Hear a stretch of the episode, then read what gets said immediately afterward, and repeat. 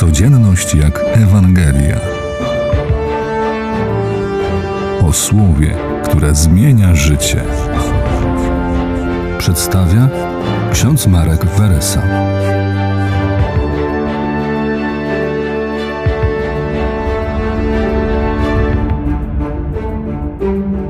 Ogień, o którym Jezus Chrystus mówi w dzisiejszej Ewangelii, jest sam Duch Święty. Pismo Święte bardzo często odwołuje się do takiego znaku, aby opisać dynamizm oraz potęgę Bożego działania.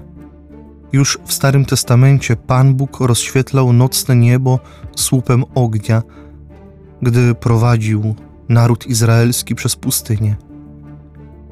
W Nowym Testamencie języki ognia bezpośrednio świadczyły o zesłaniu Ducha Świętego na apostołów.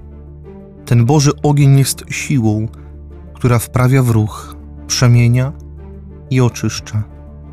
Jest również mocą, która spala grzech i przetapia, przemienia serce starego człowieka.